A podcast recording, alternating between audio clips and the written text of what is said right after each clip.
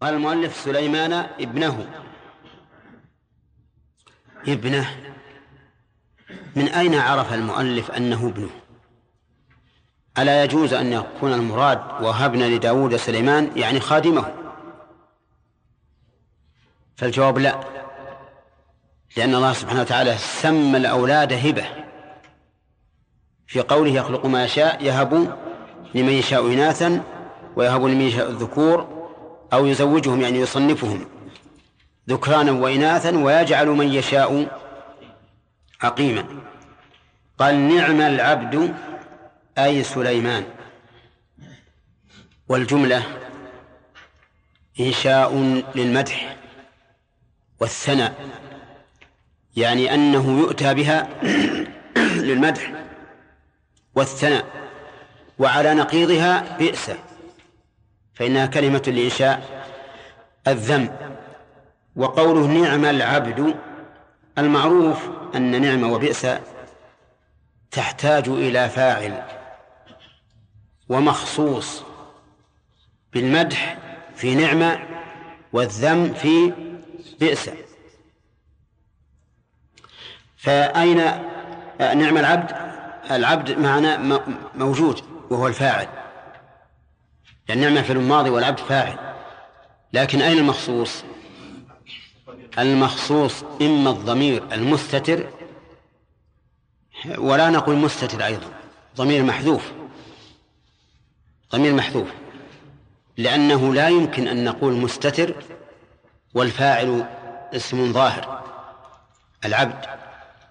لكن نقول إنه محذوف تقديره هو أو تقديره سليمان. يعني إما أن نقدره اسما ظاهرا أو ضميرا. نعم العبد. إنه أواب. إنه. هذا سبب هذا الثناء من الله عز وجل على سليمان. إنه أي سليمان أواب أي رجاع إلى الله عز وجل. سواء كان ذلك بترجيع الصوت بالذكر أو بالرجوع إلى طاعة الله عز وجل. والظاهر أن نعم. الظاهر أن أن الآية شاملة للمعنيين. أنه أواب رجاع إلى طاعة الله. وأواب رجاع بالتسبيح. أي يرجع الصوت به ويردده. يقول هنا المؤلف رجاع في التسبيح والذكر في جميع الأوقات. ولكن الصحيح أنه أعم مما قال المؤلف أنه رجاع بالتسبيح والذكر وكذلك رجاع إلى الله بالتوبة والطاعة.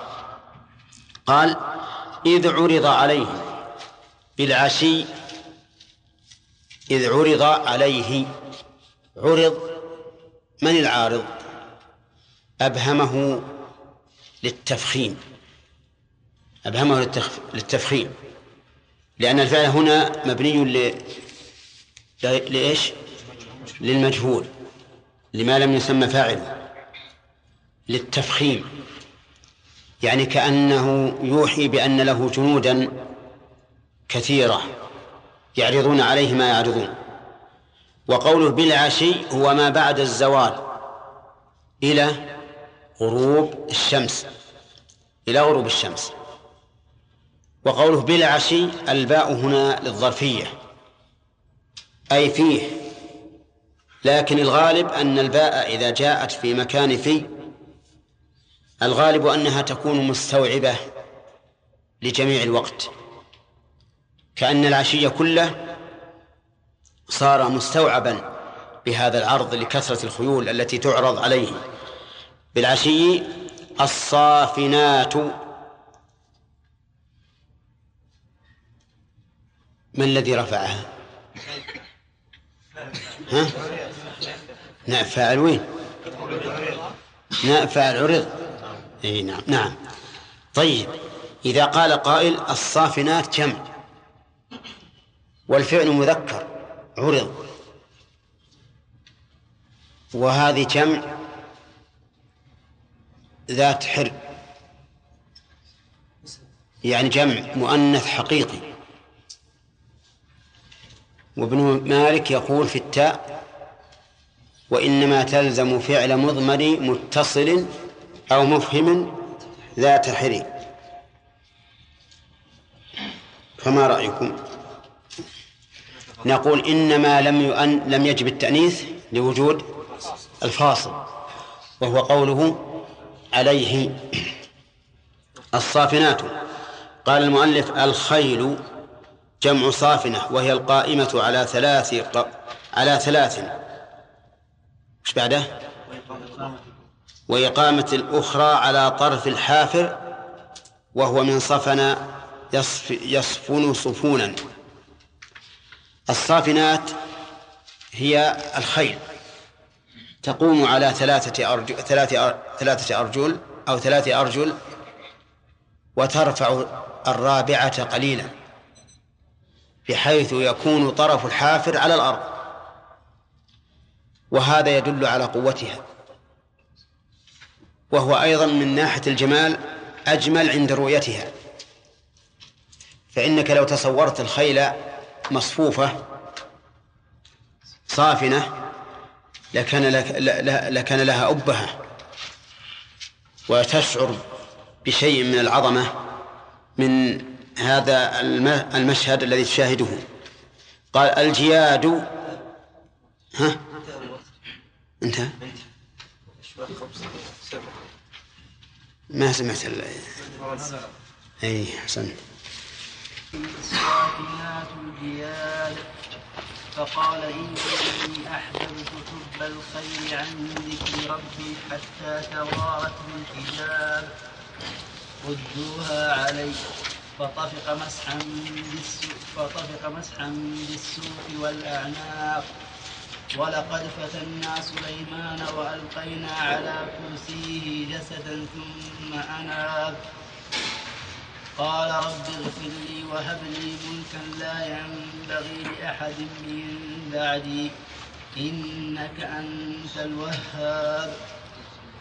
فسخرنا له الريح تجري بأمره رخاء حيث أصاب.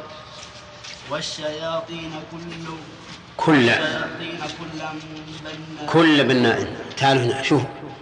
ما في أحد هذا المكان. وخر.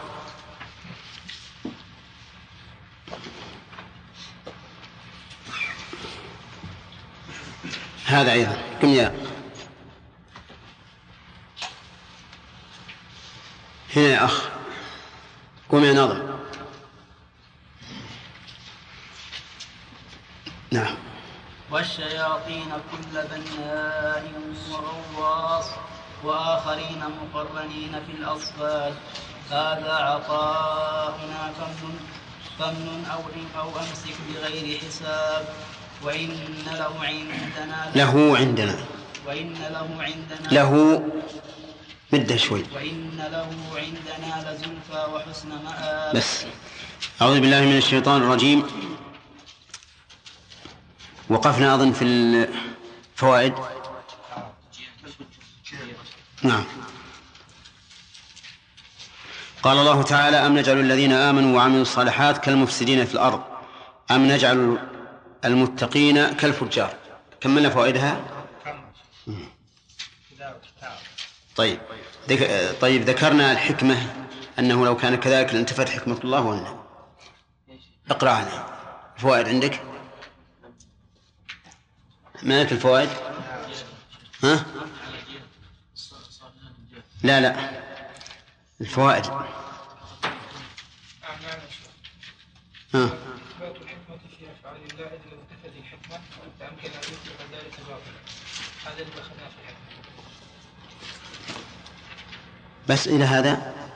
هذا في الحكمة لكن أخذنا فوائد أخرى بعدها إيه اقرأ اللي بعدها الذي بعدها أنه لا يظن ذلك الظن إلا الكافر والذي بعدها أن من ظن ذلك فهو الكافر.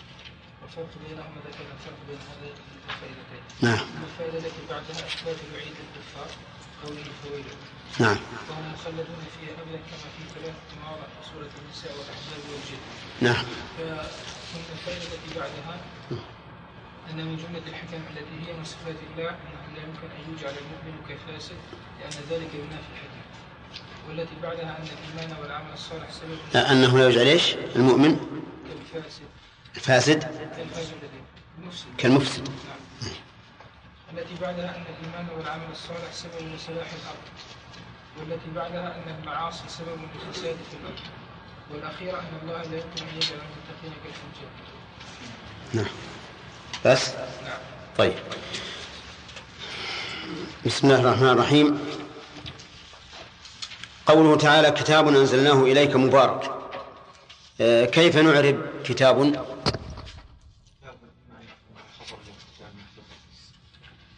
وهذا رأي من؟ نعم.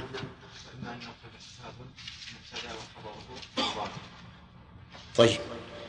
على هذا التقدير كيف صح الابتداء بكتاب وهو نكرة لأنها وصفت ب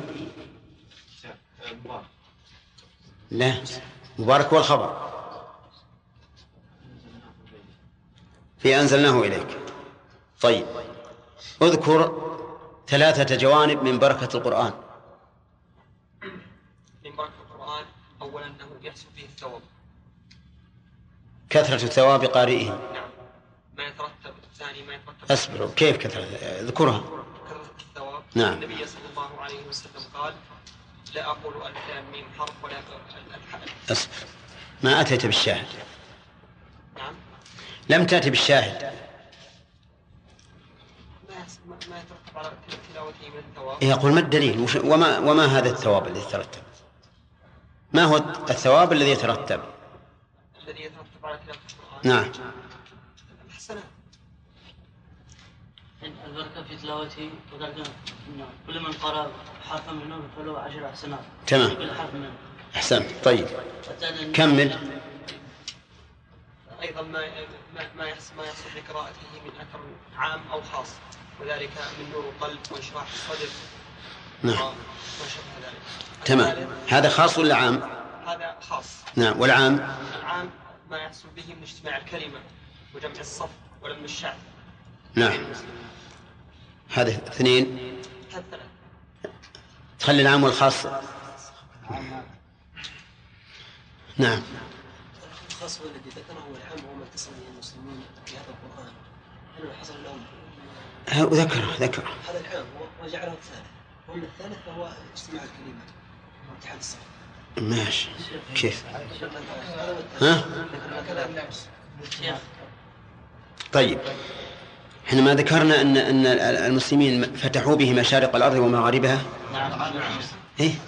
هذا هذا عام وكذلك اجتماع الكلمة لأن اللغة واحدة وإذا اجتمعت اللغة اتفقت اللغة اجتمع الناس وبتفرق اللغة يحصل التفرق. فهذه غير هذه فالان عندنا ال- ال- الأثر الخاص ما يحصل من نور القلب وانشراح الصدر والطمأنينة وما إلى ذلك. العام اجتماع المسلمين عليه لأنهم لأنهم يكونوا بلغة واحدة توحيد اللغة. ولهذا كثير من الفرس تعلموا اللغة من أجل أن نفهم هذا القرآن. والثالث آثاره الحميدة في الفتوحات فتوحات في مشارق الأرض ومغاربها. طيب. قوله تعالى ليدبروا آياته. اللام أحمد. ها. التعليل. وما معنى التدبر؟ على إيش؟ على إيش؟ طيب. قوله وليتذكر معناها يتعظ به فيقوم بالعمل. ها؟ كذا؟ يتذكر ها يتعلم يعني ويتعظ ثم نعم. إيش معنى يتعظ يت- يتذكر. يتعظ يعني ليعمل به لأن العمل لا يكون إلا بعد فهم المعنى الحاصل بالتدبر. طيب. ما معنى قوله أولو الألباب؟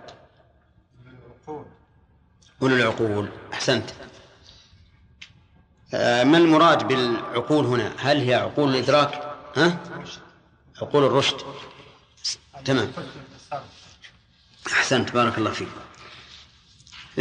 من فوائد هذه الآية أن هذا القرآن كلام الله. لأن الله أضافه إلى نفسه في قوله أنزلناه. والقرآن كلام. كما نعلم. وإذا أضيف الكلام إلى أحد لزم أن يكون صفة له لأن الكلام معنى لا يقوم إلا بغيره. ومن فوائدها إثبات علو الله عز وجل لقوله أنزلناه والإنزال لا يكون إلا من العلو. وقد قررنا هذا كثيرا في عدة مجالس. أي قررنا علو الله بذاته فوق خلقه وبينا أنه ثابت بجميع أنواع الأدلة السمعية اللي هي الكتاب والسنة والإجماع والرابع العقل والخامس الفطرة.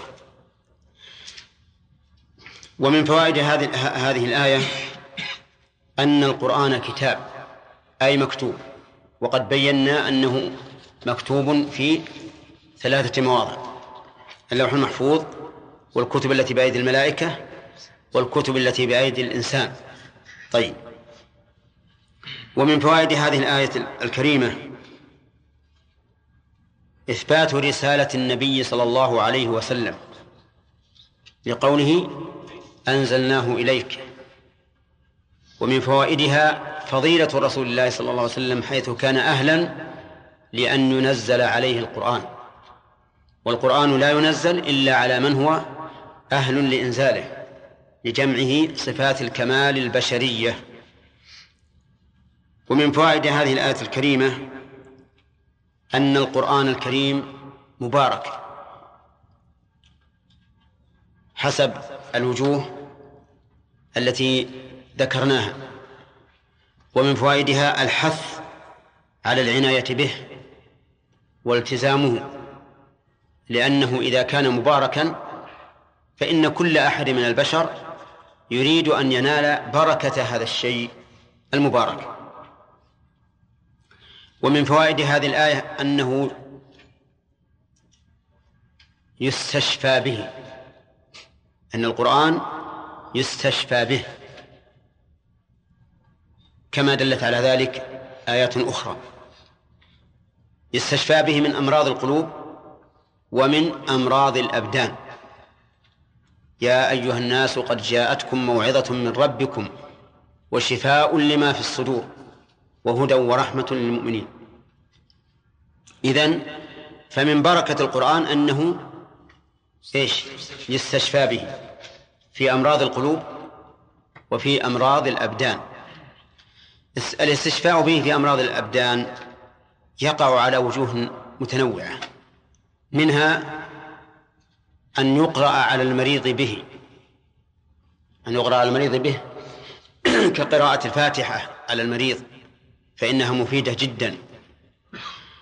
ومنها أن يكتب في إناء ويصب عليه الماء ويدار الماء عليه حتى يتغير بهذه الكتابة ثم يشرب. وهذا مجرب. ومنها على رأي بعض العلماء من السلف والخلف أن يعلق بصفة تميمة. بصفة تميمة يعني يكتب في جلد أو شبهه ثم يعلق على المريض. فإن هذا قد اختلف فيه السلف فرخص فيه بعضهم ومنعه بعضهم. فمن رخص فيه استدل بعموم الأدلة الدالة على أن القرآن فيه الشفاء. ومن فوائد هذه الآية الكريمة أن من أعظم الحكم في إنزال القرآن تدبر القرآن لقوله ليدبروا آياته. ومن فوائدها حث الإنسان على تدبر القرآن. وألا يقرأه قراءة لفظية فقط. فإن الله تعالى قد ذم هؤلاء الجنس من الناس أعني الذين يقرؤونه قراءة لفظية. فقال تعالى ومنهم أميون لا يعلمون الكتاب إلا أمانية. أمانية يعني قراءة لفظية فقط. فوصفهم الله بأنهم أميون لأنهم لم ينتفعوا بالقرآن. إذ لا يمكن الانتفاع بالقرآن إلا بفهم معانيه. فإذا لم يفهم معانيه صار العربي والأعجمي على حد سواء. طيب. ومن فوائد هذه هذه هذه الآية الكريمة أن تدبر القرآن فرض. لأن العمل بالقرآن فرض ولا يتم العمل إلا بالتدبر. وما لا يتم الفرض إلا به فهو فرض. ولكن هل هو فرض عين أو فرض كفاية؟ حسب الحال قد يكون فرض كفاية وقد يكون فرض عين فما لا يتم دين العبد إلا به فهو فرض عين. وما زاد على ذلك فهو فرض كفاية. ولا بد أن يكون في الأمة الإسلامية من يفهم القرآن. ومن فوائد هذه الآية أن القرآن الكريم كله آيات دالة على المتكلم به سبحانه وتعالى. ولهذا قال ليدبروا آياته ولم يقل آية منها أو عشر آيات كل الآيات. ومن فوائد الآية الكريمة أيضا أن من أعظم ما نزل القرآن من أجله التذكر. التذكر لقوله وليتذكر. ومن فوائدها أن القرآن الكريم نزل موعظة للناس. كما قال الله تعالى في آية أخرى يا أيها الناس قد جاءتكم موعظة من ربكم. وقال تعالى إن الله يأمركم أن تؤدوا الأمانات إلى أهلها وإذا حكمتم بين الناس أن تحكموا بالعدل إن الله نعم ما يعظكم به. فالقرآن نزل ليؤثر ما نزل ليتبرك الإنسان بقراءته أو ينال الأجر بقراءته. هذا سهل لكن لا بد أن يؤثر تذكرا وموعظة. ومن فوائد الآية الكريمة أنه لا يتذكر بالقرآن إلا أصحاب العقول. كقوله وليتذكر أولو الألباب ومن فوائده فوائدها أن من تذكر بالقرآن فهو فهو صاحب العقل ومن لم يتذكر فليس له عقل. كذا؟ وجه ذلك أن الله جعل التذكر لمن اتصفوا بمن؟ بالعقول. ومن فوائدها أن لب الإنسان وروحه هو العقل. عقل الرشد لأن الله سمى هذه العقول سماها البابا جمع لب. كأسباب جمع سبب. ثم قال الله تعالى في قصة سليمان بن داود ووهبنا لداود سليمان نعم العبد إنه أواب. قال إذ عرض عليه بالعشي الصافنات الجياد. إلى هنا تم تفسيره. قال جمع جواد وهو السابق. المعنى أنها إذا استوقفت سكنت وإن رك وإن ركضت سبقت. يعني أن هذه الخيل التي عرضت عليه موصوفة بهذين الوصفين أنها من الصوافن وأنها من الجياد. فهي إذا وقفت وقفت على أحسن هيئة. وهو الصفون. وإذا مشت مشت على أكمل هيئة وهو الجود. جيدة في السبق وتحمل المشاق ولو طال السير. وهذا غاية ما يكون من جمال الخيل غاية ما يكون من جمال الخيل هو هكذا. أن تكون هيئتها حين الوقوف مما يسر النفس. وأن تكون وأن يكون فعلها وأداؤها حين السير مما ينفع لكونها من من ذوات الجود. وقول المؤلف وكانت ألف فرس عرضت عليه بعد أن صلى الظهر لإرادته الجهاد عليها لعدو فعند بلوغ العرض منها تسعمائة غربت الشمس ولم يكن صلى العصر فاغتم.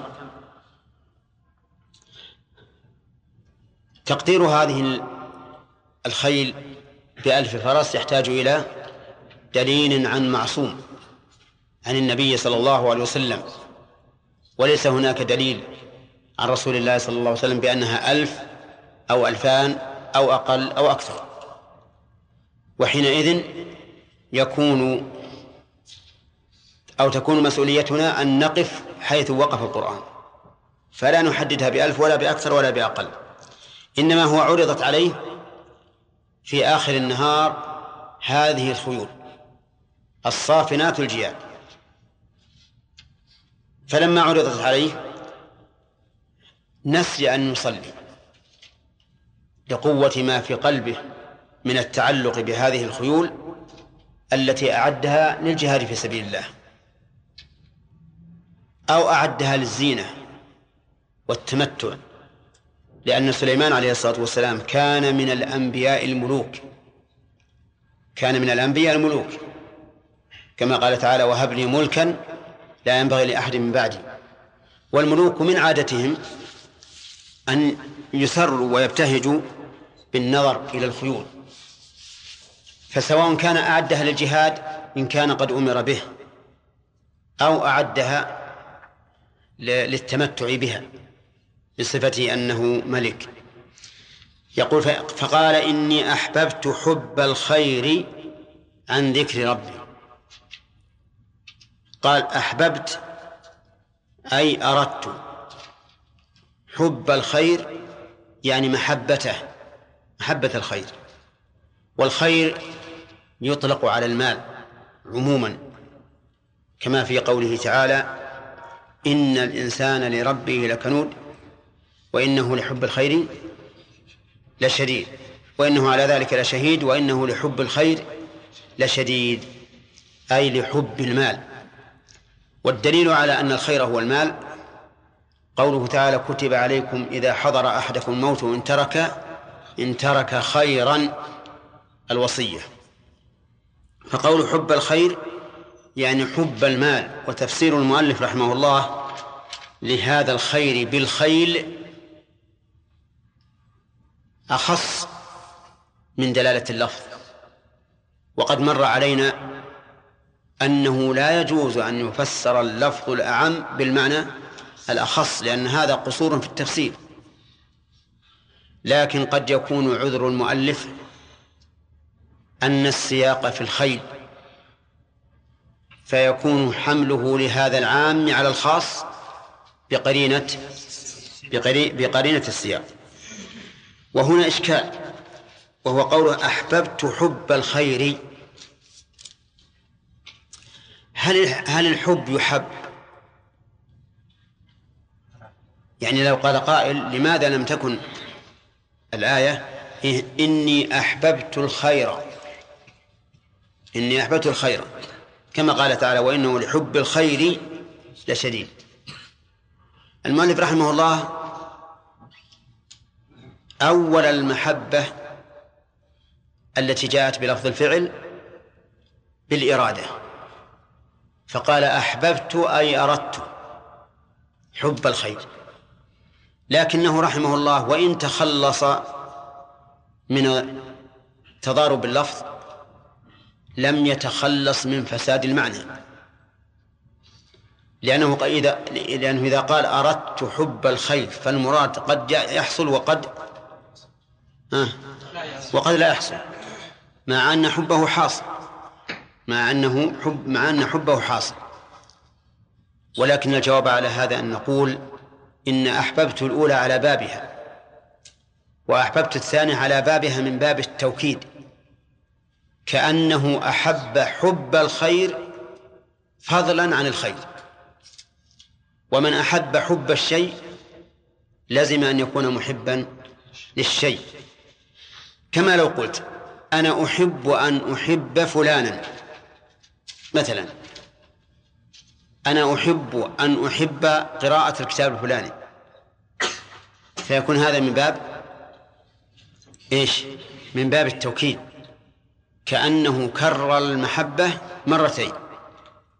وبهذا نتخلص من الإيراد الذي يرد على تفسير المؤلف رحمه الله. وقوله عن ذكر ربي قال المؤلف أي صلاة العصر. أي صلاة العصر. وهذا أيضا فيه تفسير للعام بما هو أخص وهو قصور في التفسير. وذلك لأن الذكر أعم من الصلاة. الذكر أعم من الصلاة. فكل صلاة ذكر وليس كل ذكر. ها؟ صحيح هذا؟ كل صلاة ذكر وليس كل ذكر صلاة. صحيح؟ إيه, إيه نعم. إذن إذا فسرنا الذكر بالصلاة فقد فسرنا الأعم بالأخص. وهذا قصور. ولكن ربما يعتذر عن المؤلف بإيش؟ بالسياق. بالسياق. و و و ولكن هذا العذر لا يقبل. لأنه من من الذي يقول إن سليمان أراد بذكر ربه صلاة العصر صلاة العصر. إذ قد يكون أنه أراد ذكر الله في هذا في المساء.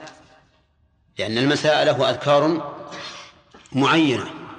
وتكون صلاة العصر داخلة في هذا الذكر. وهذا هو هو الصحيح. الصحيح أن المراد بالذكر في قول عن ذكر ربي إيش؟ عموم الذكر. عموم الذكر الذي يدخل فيه صلاة العصر. طيب. وقوله عن ذكر ربي يشمل التذكر الذي هو ذكر القلب. ويشمل القول الذي هو ذكر اللسان ويشمل الفعل الذي هو أفعال الجوارح إذا أدخلنا صلاة العصر في هذا لأن صلاة العصر تشتمل على أنواع الذكر الثلاثة. الصلاة تشتمل على أنواع الذكر الثلاثة فيها تذكر القلب وتذكر اللسان وتذكر الجوارح.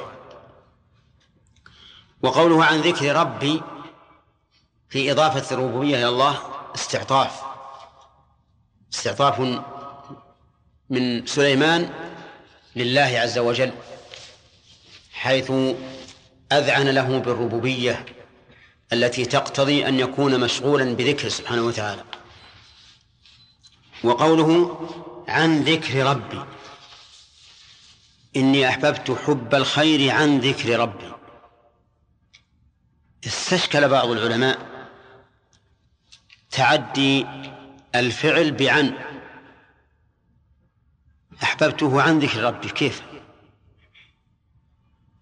فقيل إن عن معناها من يعني البدلية يعني بدلا عن ذكر ربي.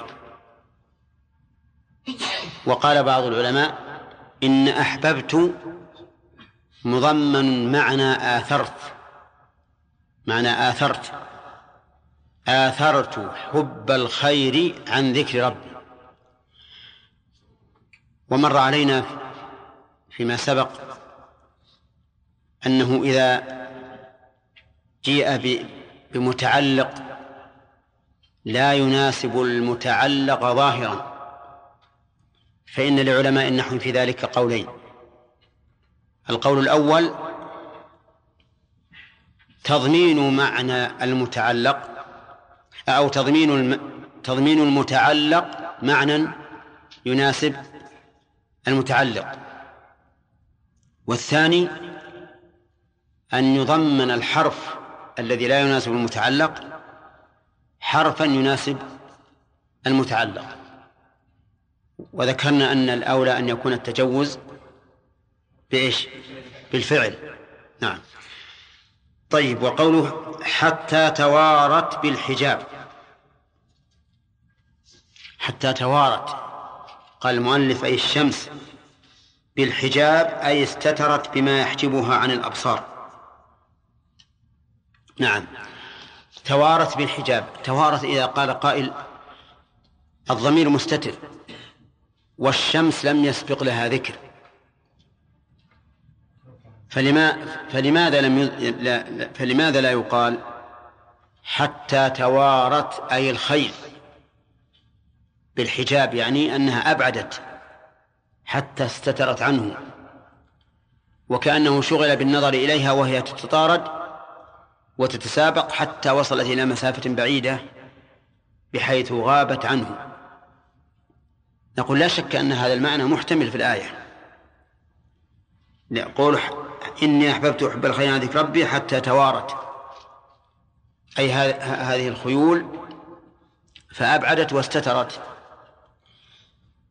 ولكن وردت أحاديث تؤيد ما ذهب إليه المؤلف من أن الذي توارت هي الشمس بالحجاب أي بما يحجبها عن الأبصار.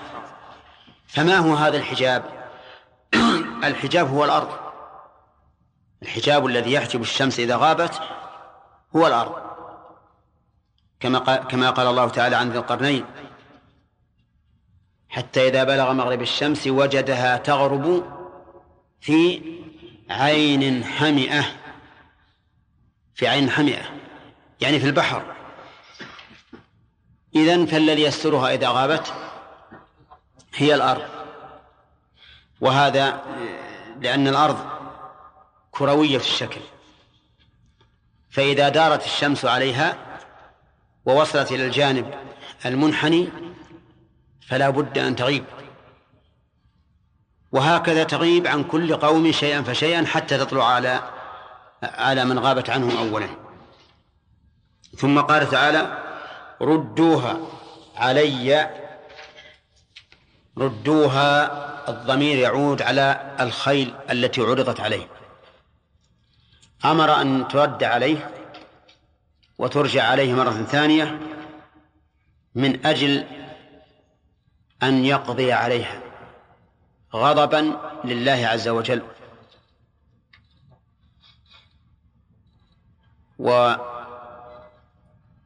وتنكيلا لنفسه التي تعلقت بهذه الخيول وأعرضت بها عن ذكر الله. قال ردوها علي أي الخيل أي الخيل المعروضة. فردوها. فطفق مسحا بالسيف. بالسوق جمع ساق والأعناق جمع عنق. قال ردوها علي فردوها.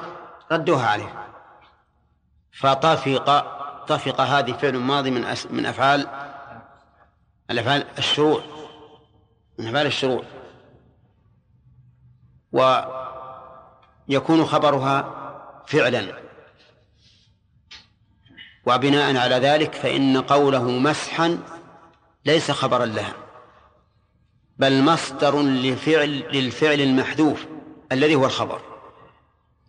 والتقدير فطفق يمسح مسحا. طيب وقوله مسحا بالسوق يعني يضربها مع سوقها جمع ساق. والأعناق مع العنق. لأن الخيل تتعلق بها النفس باعتبار المشي وباعتبار وباعتبار الصفون عند الوقوف وباعتبار الرقبة وما عليها من الشعر وحسن العنق. فلهذا ضرب عليه الصلاة والسلام ضرب مواقع الحسن في الخيل وهو وهي سوقها وإيش؟ وأعناقها. والله أعلم.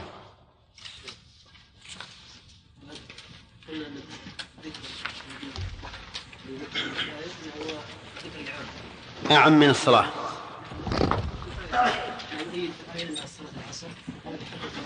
لا. لأن الأذكار في, في, المساء تستمر إلى إلى ما بعد الغروب.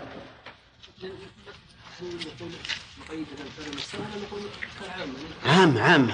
الذكر عام. يشمل الصلاة بالمساء نعم.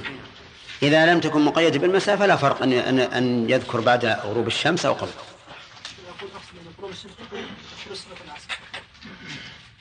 طيب ولا في أذكار بعد العصر؟ لا في أذكار طيب إذا لماذا لا نجعلها عاما ومنها الصلاة؟ طيب؟ نعم لأن لأن أذكار المساء تكون بع- بعد العصر تكون تكون بعد العصر فهو يذكر الله بع- بعد العصر فش- فاشتغل عن ذلك نعم ليش ما كتب ألف المصاحف يردوها مع الواو كيف؟ ألف مع واو الجمع من كل الواو من كل واو الجمع يكتب ألف. لا يكتب ألف ما لم تتصل بالضمير. ضمير إذا اتصل بالضمير ما حاجة للألف أي ما حاجة. والواو في في محل هذا هو فاعل. يعني لو لو قال ردوا فقط. ما ما قال ها. في ردوا ضمير راجع إلى من؟ لا لا قصدي أن أن تقول ليش ما حط ما ما- لماذا لم يكتب ألفا بعد الواو كذا ولا لا؟ أقول لا تكتب الألف بعد الواو مع الضمير لو قلت ردوه ما تكتب ألف ردوها ما تكتب ألف لكن ردوا زيدا تكتب ألف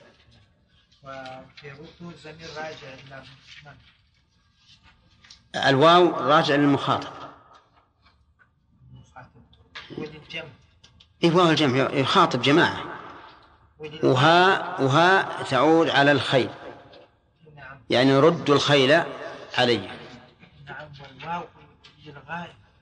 لا لا مخاطب. مو الأمر الأمر إذا وجه لجماعة.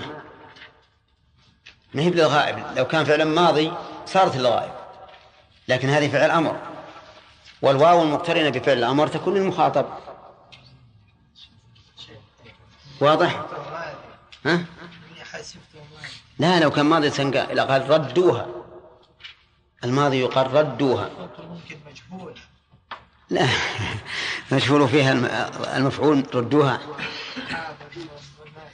على كل حال هي فعل أمر يأمرهم أن يردوها عليه نعم سأل شخص يعني كنت عاصرا عندي أشرطة أغاني وإلى آخره. فماذا أعمل بها؟ هل أسجل عليها المحاضرات الدينية وإلا وإلا إيش أعمل فيها؟ قال له حرقها واستدل بهذه الآية. قال أن سليمان عليه السلام قتل الخيول إيه. السؤال السؤال هذا متقدم على على وقته لأن سيكون في فوائد إن شاء الله. نعم.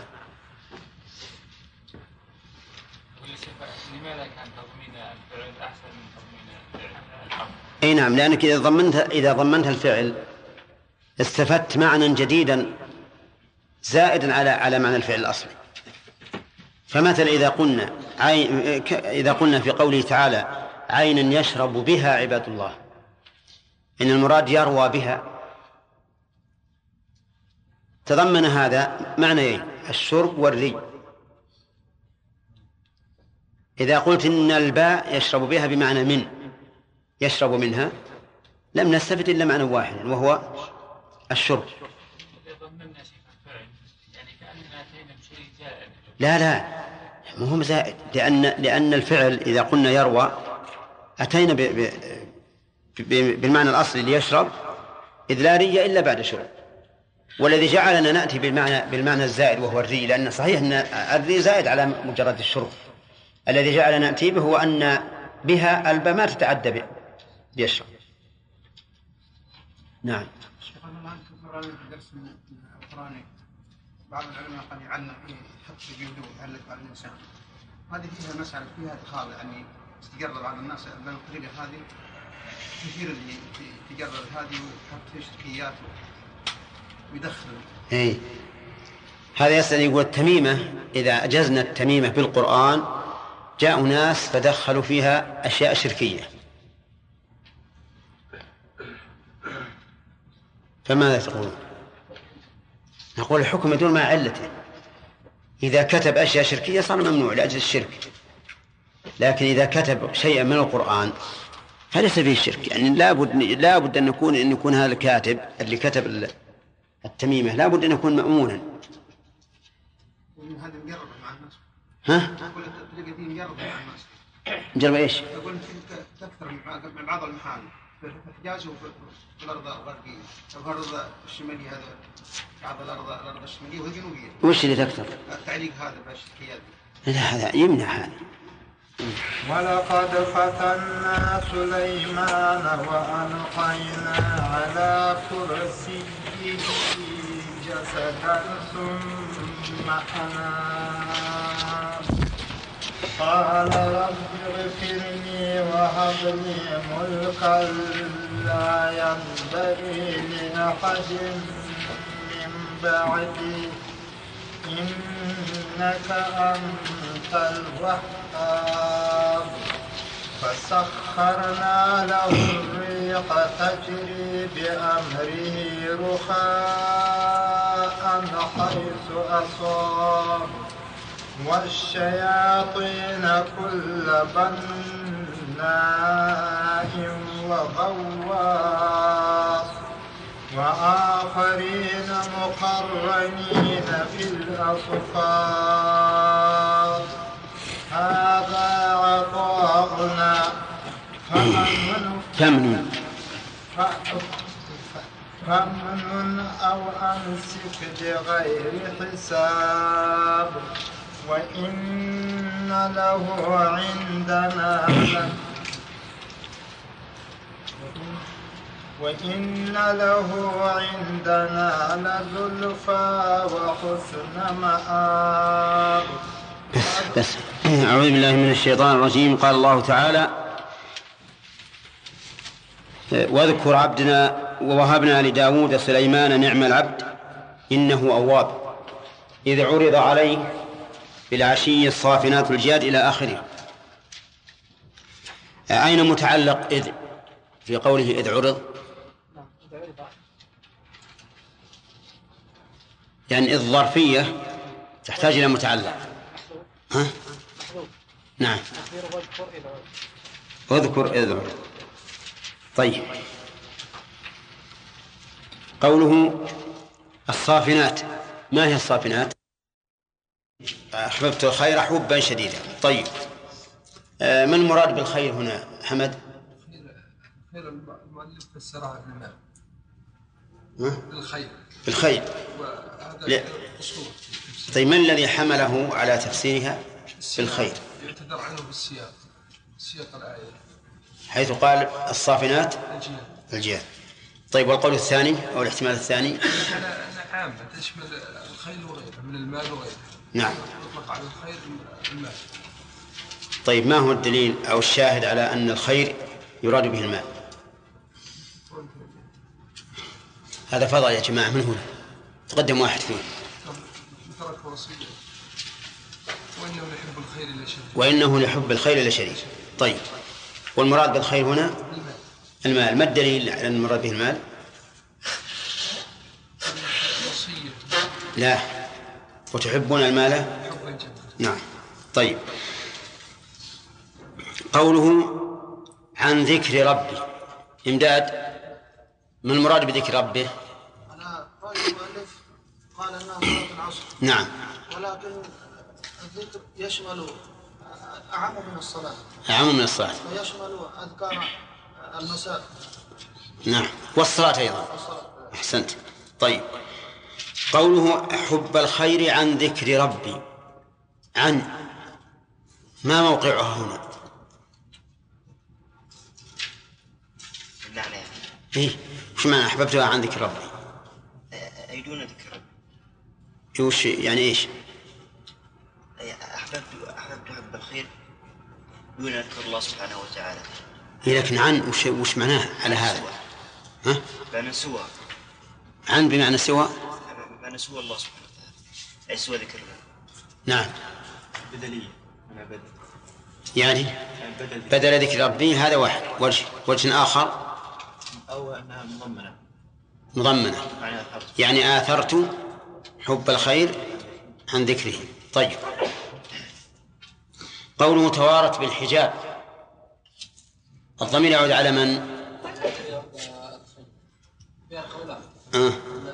أن الخير تعود على الخير أن الخير أنه حتى ابتعد عنه بعيدا. جعل يشاهدها ذاهبة وجائية.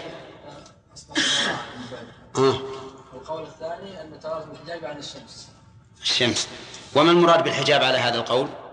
الحجاب عن الأرض. الأرض. ها؟ يعني الأرض. صحيح؟ طيب قال فطفق مسحا فهد طفق من أفعال وأين خبرها؟ خبر مسحا. خبرها محذوف. فطفق يمسح مسح. طيب بالسوق؟ لا وش معناه ساق. جمع ساق. جمع ساق يعني يضرب سوقها حتى يعقرها والعناق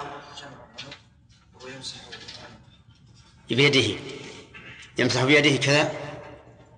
ها؟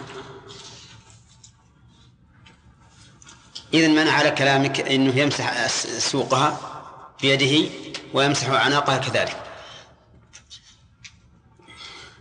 يعني ضربا بالسيف. حتى في السوق. والأعناق الذ- القتل. طيب. نأخذ الفوائد أظن. قال الله عز وجل ووهبنا لداود سليمان نعم العبد. من فوائد هذه الآية الكريمة أن الأولاد هبة من الله عز وجل للعبد. ويتفرع على هذا أنه يجب على العبد أن يشكر الله تعالى على هذه النعمة. ومن فوائد هذه الآية الكريمة الثناء على سليمان. في قوله نعم العبد والعبودية هنا العبودية الخاصة. ومن فوائد هذه الآية إثبات العلل والأسباب. بقوله إنه أواب فإن هذا هو سبب الثناء عليه. ومن فوائدها فضيلة الأوبة ومن فوائدها فضيلة الأوبة إلى الله والرجوع إليه بالقلب والعمل. لأن الله أثنى على سليمان بسبب ذلك. ومن فوائد الآية الكريمة في قوله إذ عرض عليه إلى آخره من فوائدها بيان عظمة ملك سليمان.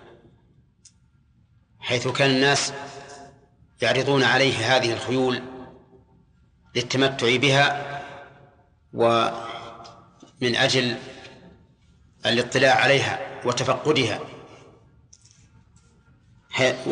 ووجه ذلك أنه قال إذ عرض عليه فهذا يدل على أن هناك أناسا يعرضون عليه هذه هذه الخيل.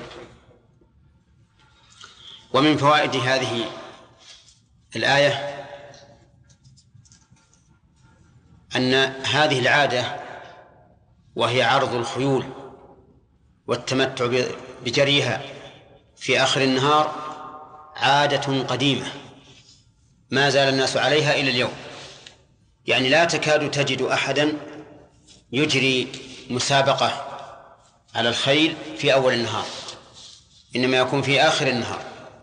وهذه من من العادات القديمة في الناس إلى اليوم. ومن فوائد هذه الآية أنه ينبغي اختيار الخيل الجيدة الجميلة التي تسر النفس في رؤيتها وفي جريها لقوله الصافنات الجياد. ومن فوائدها أنه ينبغي اقتناء الخيل حيث كان هذا من دأب الرسل عليهم الصلاة والسلام. وقد قال النبي عليه الصلاة والسلام الخيل معقود في نواصيها الخير إلى يوم القيامة. فمتى كانت الخيل آلة حرب فالخير في نواصيها إلى يوم القيامة. ومن فوائد هذه الآية ذكر أنموذج من وصف سليمان بالأواب حيث قال إني أحببت حب الخير عن ذكر ربي إلى آخره. ومن فوائدها أن أن المال خير وهو كذلك لأن الإنسان إذا رزق المال تمكن أن يتمتع تمتعا كاملا. فيما يختص بالمال. بخلاف ما إذا ضيق عليه المال فإنه لا يستطيع أن يتمتع. ومن فوائد هذه الآية الكريمة أن الإعراض عن ذكر الله بأمور الدنيا أمر مذموم. لأن سليمان وبخ نفسه في كونه أحب الخير وقدمه على ذكر الله. ومن فوائد الآية الكريمة إثبات أن الشمس تجري دائما وليست تغيب بمعنى أنها تنحجب عن الأبصار في السماء كقوله حتى توارت بالحجاب. ومن فوائدها إثبات أن الشمس هي التي تدور على الأرض في طلوعها وغروبها لأنه أضاف الفعل إليها فقال حتى توارت. ولو كان الأمر كما يقول أهل الجغرافية اليوم إن الأرض هي التي تدور وتنحجب الشمس بسبب دورانها لقال حتى توارينا بالحجاب. أو حتى توارى بالحجاب. هو يعني. لأنه إذا كان أنت التي أنت الذي تدور ومقابلك ثابت فمن الذي يتوارى؟ الثابت أو أو الدائر؟ الدائر. فإذا كان الله تعالى أثبت أن التوار التواري للشمس دل هذا على أنها هي التي تدور. وهذا كقوله تعالى وترى الشمس إذا طلعت تزاوروا عن كهفهم ذات اليمين وإذا غربت تقرضهم ذات الشمال. فهذه أربعة أفعال كلها أضيفت إلى الشمس. وفي الصحيح عن أبي ذر رضي الله عنه أنه كان مع النبي صلى الله عليه وسلم حين غربت الشمس فقال له أين أتدري أين تذهب؟ قلت الله ورسوله أعلم. قال فإنها تسجد تحت العرش وتستأذن فإن أذن لها وإلا قيل ارجعي من حيث جئت. فتخرج من مغربها. هذا هو ظاهر القرآن. والواجب على المؤمن أن يتبع ظاهر القرآن. لأن هذه الطريق في كل شيء. كما تعرفون في أسماء الله وصفاته نتبع ظاهر القرآن. وكما تعلمون في الأحكام الشرعية نتبع ظاهر القرآن.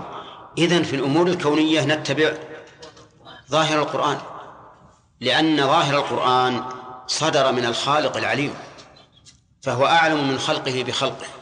قال الله تعالى ما أشهدتم خلق السماوات والأرض ولا خلق أنفسهم.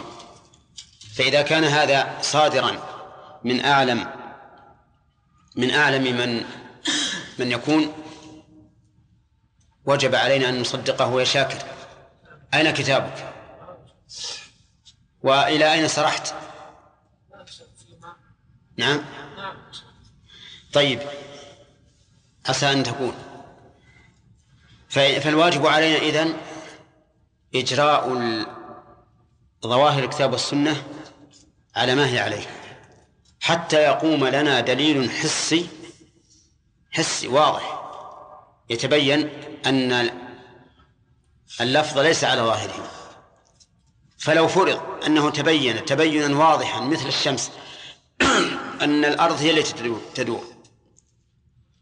فإننا نقول عبر بهذه الأفعال الداء التي ظاهرها أن الشمس هي التي تدور باعتبار باعتبار ما ما, ما نشاهد. باعتبار ما نشاهد.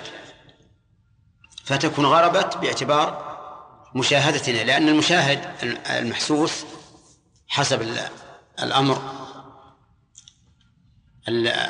الظاهر لعامة الناس أن الأرض ثابتة والشمس تدور عليها فيكون التعبير بحسب ما يشاهده ما يشاهده الناس في الظاهر لكن متى هذا متى نحتاج إلى تأويل الآيات أه؟ إذا ثبت ثبوتا حسيا قطعيا ما في إشكال لأن الظاهر دلالته ظنية ولا يمكن زحزحة هذه هذه الدلالة إلا بدليل قطعي يكون أقوى منها. ومن فوائد هذه الآية أن الأرض كروية. أن الأرض كروية. لأنه, لأنه لما أثبت أنها تتوارى بالحجاب دل هذا على أن الأرض هي التي تحجبها وهي كما نشاهد تنزل. الشمس في أو في أوج السماء في أعلى ثم تنزل شيئا فشيئا حتى تكون في الأسفل في الأرض. فيدل ذلك على أن الأرض كروية وهذا أيضا أمر مقطوع به ولا إشكال فيه. فهو فهو ظاهر من القرآن وظاهر كذلك بالواقع ففي القرآن يقول الله تعالى إذا السماء انشقت وآذنت لربها وحقت. وإذا الأرض مدت وألقت ما فيها وتخلت وآذنت لربها وحقت. متى هذا؟ يكون يوم القيامة لأن السماء الأرض لم تنشق الآن. فقوله إذا الأرض مدت يدل على أنها قبل هذا ليست ممدودة بل هي كروية. وهذا لا يعارض قوله تعالى أفلا ينظرون إلى الإبل كيف خلقت؟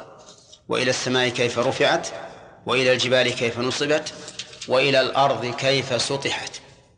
لا يعارضه لأن سطحها باعتبار المشاهد. فأنت الآن إذا وقفت على الأرض تجدها تجدها مستوية في إلى مد البصر. ومن ومن فوائد هذه هذه الآيات في قوله ردوها علي فطفق إلى آخره. من فوائدها جواز التعزير بإتلاف المال. جواز التعزير بإتلاف المال. وهذه المسألة اختلف فيها الفقهاء. هل يجوز أن نعزر الإنسان بإتلاف ماله أو لا يجوز؟ فمن العلماء من قال إنه لا يجوز لأن إتلاف المال إفساد له ويمكن أن نعزره بأخذ المال دون إتلاف فنأخذه منه وننفقه في جهة أخرى نافعة. ومنهم من قال بل إن ذلك جائز. واستدلوا لهذا بأن الغال من الغنيمة الذي يكتم ما غنم يحرق رحله. يحرق رحله. وهذا إتلاف له مع أن الجيش قد يكون في حاجة إلى ماله ومع هذا نتلفه. وهذا القول هو الراجح أنه يجوز التعزير بإتلاف المال. أولا لدلالة السنة على ذلك وثانيا لأن إتلافه أنكى أنكى وأعظم أثرا لأنه لو أخذ وجعل في مصالح صار التنكيل خفيا صار التنكيل خفيا. ثم قد يكون فتح باب للولاة الظلمة. إذا أرادوا المال أقاموا دعوة على شخص ما ثم قالوا نعزره بأخذ ماله.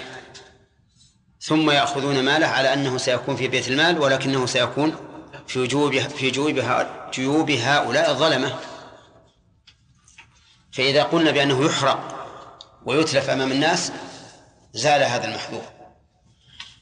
وبناء على ذلك لو وجدنا مع شخص آلة له تصلح أن تستعمل في غير له وعزرناه بتكسيرها كان ذلك سائغا. ولا نقول حولوها إلى آلة غير غير آلة له لأن إتلافها أمام الناس أنكى وأشد مما, مما لو أتلفت بإنفاقها في جهة ما. ومن فوائد هذه هذه الآية أن الإنسان لا بأس أن يعزر نفسه بإتلاف ماله بنفسه. لفعل إيش؟ سليمان. فلو مثلا فلو فرضنا أن شخصا اشتغل بشيء معه عن ذكر الله وأراد أن يكسره لكان ذلك سائغا جائزا. لأن هذا يؤدي إلى أن لا يعود مرة أخرى إلى التشاغل عن ذكر الله تعالى بشيء من من ومن فوائد هذه الآية قوة سلطان سليمان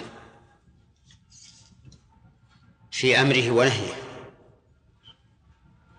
كقوله ردوها علي فإن هذا يدل على أن له جنودا كثيرة. تأتمر بأمره. إذ لم يقل ردها لو قال ردها لكان الخادم أه واحدا. لكن لما قال ردوها دل على أن له جنودا خدما يخدمونه كثيرين. ومن فوائدها سرعة ومبادرة سليمان عليه الصلاة والسلام بتنفيذ ما أراد من إتلاف هذا المال. لقوله فطفق مسحا بالسوق والأعناق قد يقول قائل أليس في هذا تعذيب للحيوان إذا جعل يضرب سوقه بالسيف؟ فيقال بلى. لكن الظاهر أنه يعقرها أولا ثم يقطع عنقها ثانيا أو ي... و... نعم.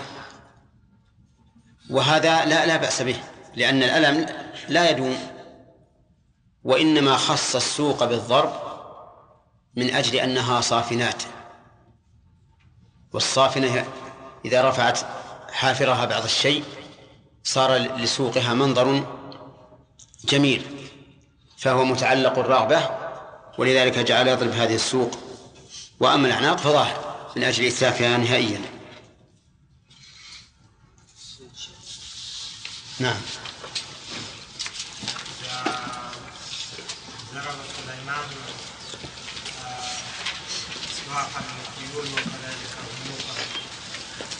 كلفة خيول ويتصدق باللحوم يعني اللحوم أي. هذا السؤال جيد. يقول هل أكل لحومها أو تصدق به أو ماذا فعل؟ ما تقولون؟ المؤلف يقول تصدق. ها؟ المؤلف يقول تصدق. لو تصدق بها؟ اقرأ عبارته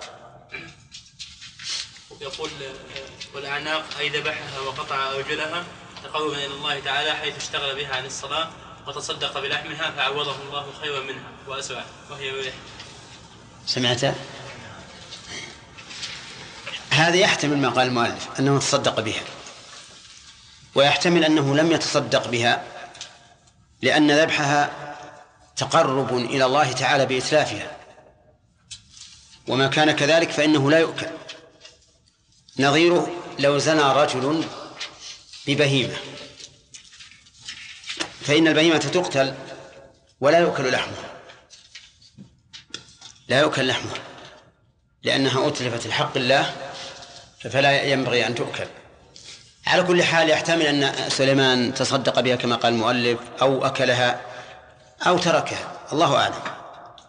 هنا. على كرسيه جسدا ثم أناه. قال رب اغفر لي وهب لي ملكا لا ينبغي. حتى من وراء. قال رب اغفر لي وهب لي ملكا لا ينبغي لأحد من بعدي. إنك أنت الوهاب. فسخرنا له الريح تجري بأمره رخاء حيث أصاب. والشياطين كل بناء وغواص وآخرين مقرنين في الأصفاد. هذا عطاؤنا فامنن وامسك بغير إيش؟ هذا عطاؤنا؟ هذا عطاؤنا فمن أو فمن أو امسك بغير لا أو أمسك همزه قطع هذا عطاؤنا فمن أو أمسك بغير حساب وإنا له و... عند لا. فيها ألف وإنا له. ولا ما فيها ألف؟ وإن له. وإن له عندنا لزلفى وحسن. لزلفى بالالف وإنا له لا. وإن له عندنا لزلفى وحسن مآب. بس أعوذ بالله من الشيطان الرجيم. قال الله تعالى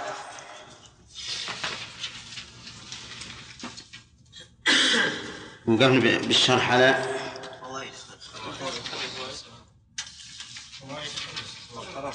خلصنا. يعني ما ما بقى شيء. طيب. قال الله تعالى ولقد فتنا سليمان وألقينا على كرسيه جسدا ثم أناب. هذه الجملة كما هو معروف مؤكدة بثلاثة مؤكدات وهي القسم المقدر واللام المؤكدة للقسم ويسمونها موطئة للقسم والثالث قد ولقد فتنا سليمان أي اختبرناه. والضمير في فتنا يعود على الرب عز وجل. وجاء وجاء بضمير الجمع تعظيما لا تعديدا لأن الله سبحانه وتعالى واحد. لكن تارة يعبر عن نفسه بلفظ الإفراد وتارة يعبر عن نفسه بلفظ الجمع.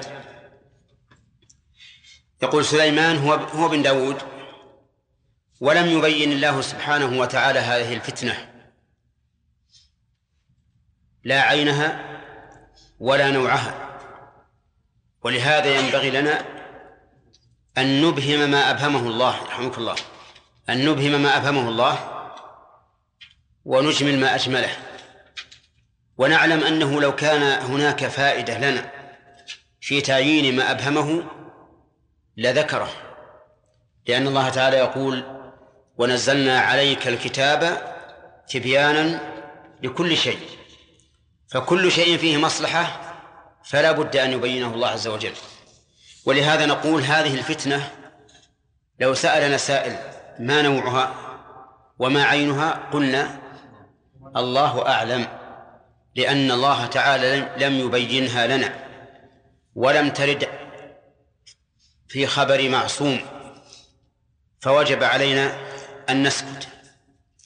أما ما ذكر في هذا الموضع من الإسرائيليات فإنها إسرائيليات كاذبة. لا تليق بمقام النبوة لكن الإسرائيليون أتوا بها لأنهم لا يعتقدون أن داود وسليمان رسولان. يعتقدون أنهما ملكان والملك يجوز عليه كل شيء. يقول فتنا سليمان ابتليناه بسلب ملكه هذا بدأ المؤلف بالقصة الإسرائيلية بسلب ملكه وذلك لتزوجه بامرأة هواها. وكانت تعبد الصنم. نسأل الله العافية. يعني جعلوا داود وسليمان كلهم كلاهما عشيقان ليس لها لهما هم إلا النساء فداود كما مر علينا أنه أراد أن يتزوج امرأة شخص وكان عنده عند داود تسع وتسعون امرأة فأراد أن يكمل الم- المئة. أما سليمان فيقول إنه هوى امرأة. يقول تقول هذه القصة الكاذبة إنه هوى امرأة وعشقها وكانت تعبد الصنم في داره من غير علمه إذن صارت الدار دار كفر وشرك بدون علمه. وهذا نقطع بأنه كذب. لأن لأنه لو كانت هذه كافرة لبين الله ذلك كما بين قص كما بين ذلك في امرأتي نوح ولوط. قال وكان ملكه في خاتمه. فنزعه عند إرادة الخلاء ووضعه عند امرأته المسماة بالأمينة على عادته. فجاءها جني في صورة سليمان فأخذه منها. هذه القصة. ملكه في خاتمة. فإذا أراد دخول الخلاء نزعه ولا أدري ما السبب في نزعه. لماذا ينزعه؟ اسم سليمان ليس فيه لفظ جلالة. ليس فيه اسم من أسماء الله حتى يقول قائل إنه تحرز من أن يدخل بشيء فيه ذكر الله. وأيضا يضع عند امرأته المسماة بالأمينة على عادته. هذا أيضا يدل على كذب القصة. أولا كيف يكون ملك في الخاتم فقط؟ وثانيا إذا كان ملكه في خاتمه فهل يمكن أن يفرط فيه هذا التفريط يلقيه عند امرأة؟ قد يقول قائل إنها أمينة ولكن نقول ما هو الدليل على هذا؟ فجاءها جني في صورة سليمان فأخذه منها. أخذ إيش؟ الخاتم. فلما أخذ الخاتم صار سليمان لأن الملك يتبع هذا الخاتم. طيب. قال الله تعالى وألقينا على كرسيه جسدا. هو ذلك الجني وهو صخر أو غيره يعني اسمه. صخر أو غيره جلس على كرسي سليمان وعكفت عليه الطير وغيرها فخرج سليمان في غير هيئته فرآها على فرآها أو فرآه. من عنده مذكر؟ رآه. طيب هذا هو الظاهر. فرآه على كرسيه. فرآه على كرسيه وقال للناس أنا سليمان فأنكروه. مسكين. لما جاء وجد هذا الجني الذي المسمى بصخر أو غيره على الكرسي. فجعل يقول للناس أنا سليمان. يقول له لست سليمان ارجع وراء ليش؟ لأن سليمان هو الجالس على كرسي الملك. أما أنت فلست بسليمان. فماذا تكون حصته؟ ستكون شديدة. ثم أناب. والواقع أن هذه المسألة ألقينا على كرسيه جسدا. بعض العلماء يقول إنه شيطان لكن بقطع النظر عن كون الملك في الخاتم وأنه أعطاه امرأتها وأن الجني جاءه جاءها فأخذه منها. يقول إن الله تعالى ألقى على كرسيه جسدا.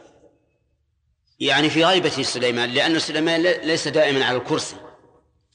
لكن الله سبحانه وتعالى سلط عليه شيطانا جلس على الكرسي.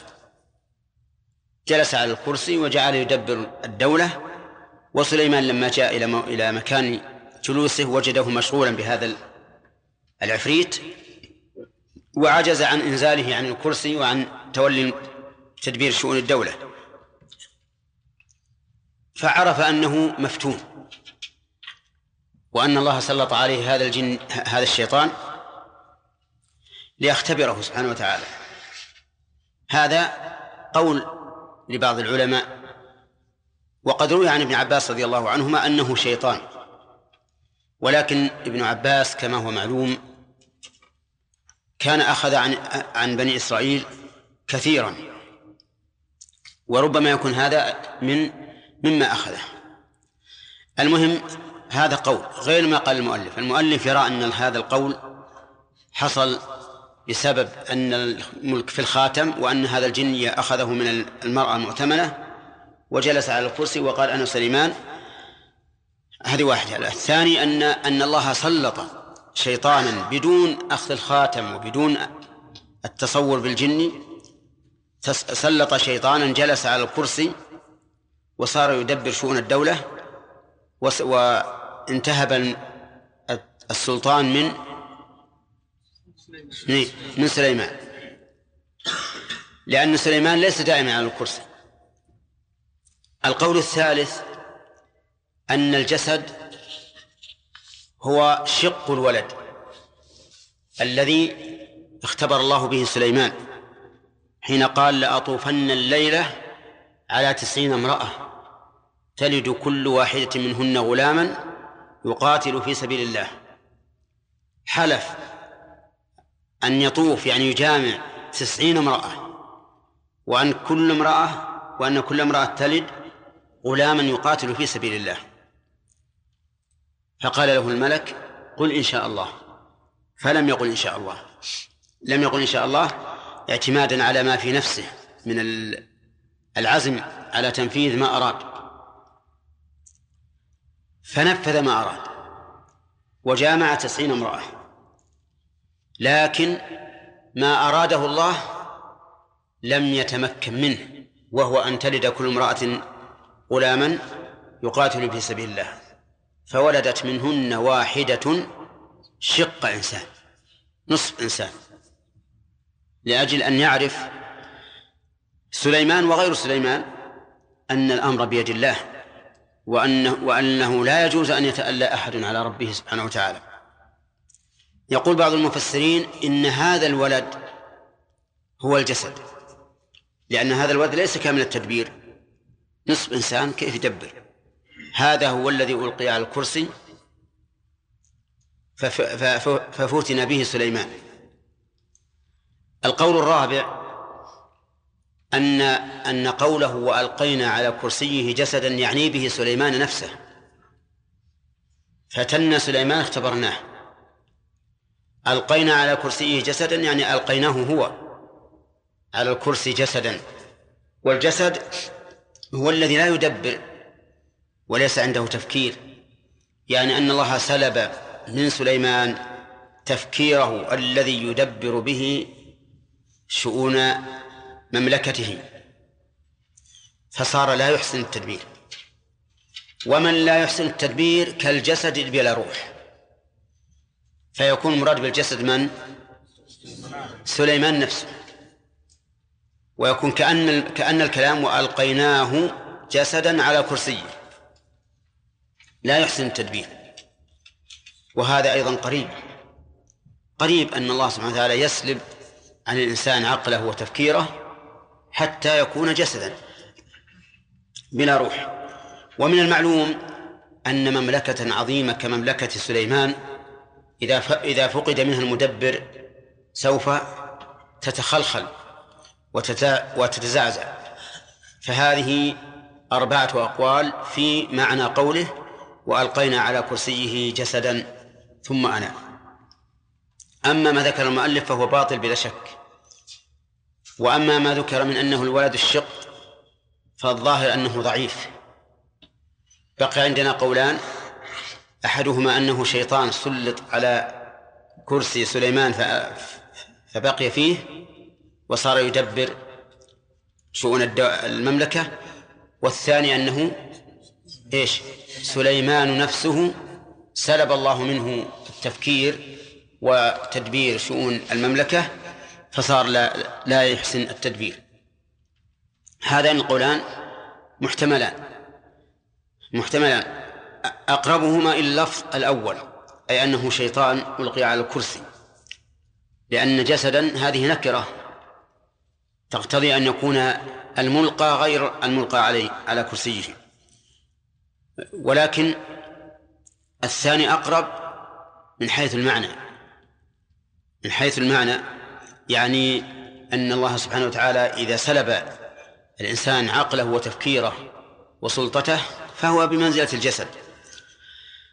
على كل حال هذه الفتنة التي حصلت لسليمان بإلقاء الجسد على كرسيه سواء أكان هو نفسه أم شيطانا جلس على الكرسي. لا شك أنها فتنة عظيمة ولا يتصورها أحد لم تمسه هذه الفتنة لأن ما نسمع من الفتن والمصائب وغيرها نسمعها على أنها تمر مر علينا مرورا ذهنيا. وليست كالذي يباشر وليس هذا كالذي يباشر المصيبة أو القضية نفسها. على سليمان لما وصلت به هذه لما وصل به الأمر إلى هذه الحال أناب إلى الله. لأن من طبيعة البشر إذا أصيب بمصيبة أن يحاسب نفسه. أما قبل أن يصاب فقد يغفر. لكن إذا أصيب صار يحاسب نفسه ورجع إلى الله. حتى المشركون إذا ركبوا في الفلك وأصابتهم الأمواج التي يضرب بعضها ببعض يلجؤون إلى من؟ إلى الله سبحانه وتعالى يدعونه مخلصين له الدين أن ينجيهم. فمن طبيعة البشر أن يعود إلى القوة التي يمكنها أن تدفع عنه المصيبة التي نزلت به. ومن خرج عن هذه الطبيعة فقد يخرج عن الطبيعة أناس. كما قال الله تعالى ولقد أخذناهم بالعذاب فما استكانوا لربهم وما يتضرعون. قد يخرج ناس عن هذه الطبيعة الفطرية فتصيبه المصائب والنكبات والعذاب ولكنه ولكن قلبه يكون قاسيا. لا يتأثر نسأل الله العافية. نعم. قال ثم أناب رجع سليمان إلى ملكه بعد بعد أيام بأن وصل إلى الخاتم فلبسه وجلس على كرسيه. هذا من أبعد ما يكون تحريف لكلام الله عز وجل. ثم أناب أي رجع إلى ملكه. المتعين أن المعنى أناب إلى الله. أناب إلى الله يعني عرف أن هذا الذي نزل به لأمر حدث منه. فرجع إلى الله وأناب إليه وأحسن التوبة وأصلح العمل. قال قال رب اغفر لي وهب لي ملكا لا ينبغي لأحد من بعدي. هذا نعم رب قال رب اغفر لي. بدأ بالمغفرة بطلب المغفرة قبل طلب الملك العظيم الذي لا ينبغي لأحد من بعده. وذلك لأن زوال أثر الذنوب هو الذي يحصل به المقصود. فالذنوب في الحقيقة تتراكم على القلب وتمنعه من كثير من من من مصالحه. فيسأل الإنسان التخلص من آثار هذه الذنوب قبل أن يسأل قبل أن يسأل ما يريد. قال رب اغفر لي اغفر لي.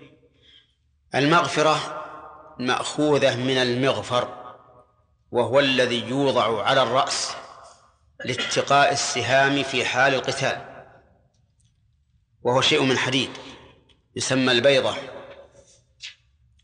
فهو يقي الرأس وفي نفس الوقت يستره. ولهذا نقول إن مغفرة الذنوب سترها عن الخلق ومع التجاوز عن عن عقوبتها. يعني أنه جامع بين بين معنيين. هما إيش؟ الستر والتجاوز عن الذنب. أي أن الله تعالى لا يعاقب عليه. وهب لي ملكا يعني أعطني ملكا. لا لا ينبغي لأحد من بعدي. لا ينبغي يعني لا يصلح. أن يكون لأحد من بعدي. يعني ملكا عظيما لا يفكر به أحد من بعدي. فغفر الله له واستجاب له. قال تعالى من بعدي أي سواي نحو فمن يهديه من بعد الله أي سواه يعني كأن المؤلف يقول إن معنى قوله من بعدي أي سواي وليس المراد من بعدي زمنا بل لا ينبغي لأحد في زمني ومن بعد زمني. ولكن المراد بالبعد هنا السوى. واستشهد لذلك بقوله تعالى فمن يهديه من بعد الله. ومعلوم أنه لا أحد بعد الله. فالله هو الآخر الذي ليس بعده شيء. لكن معنى من من بعد الله أي من من سوى من سوى من سوى من سوى الله نعم. قال هب لي ملكا لا ينبغي لأحد من بعدي إنك أنت الوهاب. إنك أنت الوهاب. هذا هذه الجملة تعلقها بما قبلها أنها من باب التوسل. من باب التوسل. لما سأل الله أن يهبه ملكا توسل إلى الله بالاسم الذي يناسب ما دعا به. إنك أنت الوهاب. وأن وأنت في قوله إنك أنت الوهاب يسميها العلماء ضمير الفصل. وتفيد ثلاثة أشياء التوكيد والحصر والتمييز أو الفصل بين الصفة والخبر. وقول الوهاب صيغة مبالغة وذلك لكثرة هبات الله وكثرة مو وكثرة من يهبه الله. كل ما في الخلق من نعمة فهو هيبة من الله. وما أكثر النعم على الإنسان نفسه وما أكثر الإنسان الذي أنعم الله عليه. ولهذا جاء صيغة المبالغة إنك أنت الوهاب. قال الله تعالى فسخرنا له الريح ألفها للسببية من وجه وللتعقيب من وجه آخر. أي فبسبب دعائه وفور دعائه. ليش قدرنا فبسبب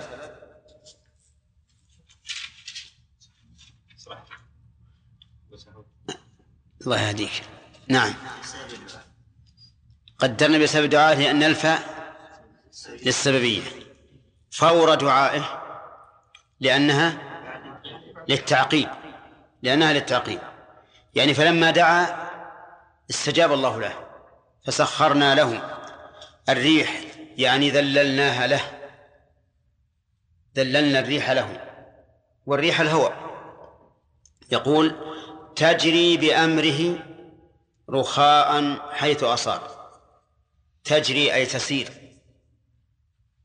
بأمره أي على وفق أمره.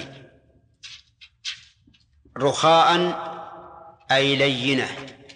حيث أصاب يعني حيث أراد. وحيث ظرف متعلقة بقوله تجري. يعني تجري إلى الجهة التي أرادها. رخاء يعني لينة. لينة في سيرها وهبوبها لينة في طاعتها. ما تستعصي لو كانت الريح جنوبا الآن مثلا وهو يريد أن يذهب إلى الجنوب. يأمرها أن تهب شمالا فتهب شمالا. تهب شمالا ويمشي عليها. نعم تجري بأمره. حتى لو كان الاتجاه السائد للريح جنوبا وأمرها أن تكون شرقا اتجهت شرقا تكون شمالا شمالا اتجهت شمالا. تمشي حيث أراد. وقوله عز وجل تجري بأمره رخاء. قد يقول قائل ما الجمع بين قوله رخاء وقوله في آيات أخرى ولسليمان الريح عاصفة؟ تجري بأمره إلى الأرض التي باركنا فيها العالمين. والجواب أن الجمع بينهما سهل. فهي رخاء يعني ليس فيها زعزعة وهي عاصفة سريعة. فالمراد بالعصف في قوله عاصفة أي أنها سريعة ليست بطيئة. لأن غدوها شهر ورواحها شهر. يعني تمشي في الصباح ولا يأتي زوال الشمس إلا وقد قطعت مسافة شهر. وبعد الزوال تمشي ولا يأتي الغروب إلا وقد قطعت مسافة شهر. وكيف ذلك؟ يعني هل تطير به نفسه؟ لا. قال أهل العلم إنه يضع شيئا كالبساط يضع على الأرض. ويجلس هو وحاشيته على هذا البساط. ثم يأمر الريح فتحمله. تحمله فيطير بين السماء والأرض. ومع ذلك هو رخاء. وكان المتبادر أن مثل هذا الطيران يزعج الراكبين على هذا البساط. ولكن الله تعالى جعلها رخاء رخية كأنها لا تسير كأنه كأنهم لا يطيرون. فليس فيه إزعاج وهذا من آيات الله. قال حيث أصاب أي حيث أراد.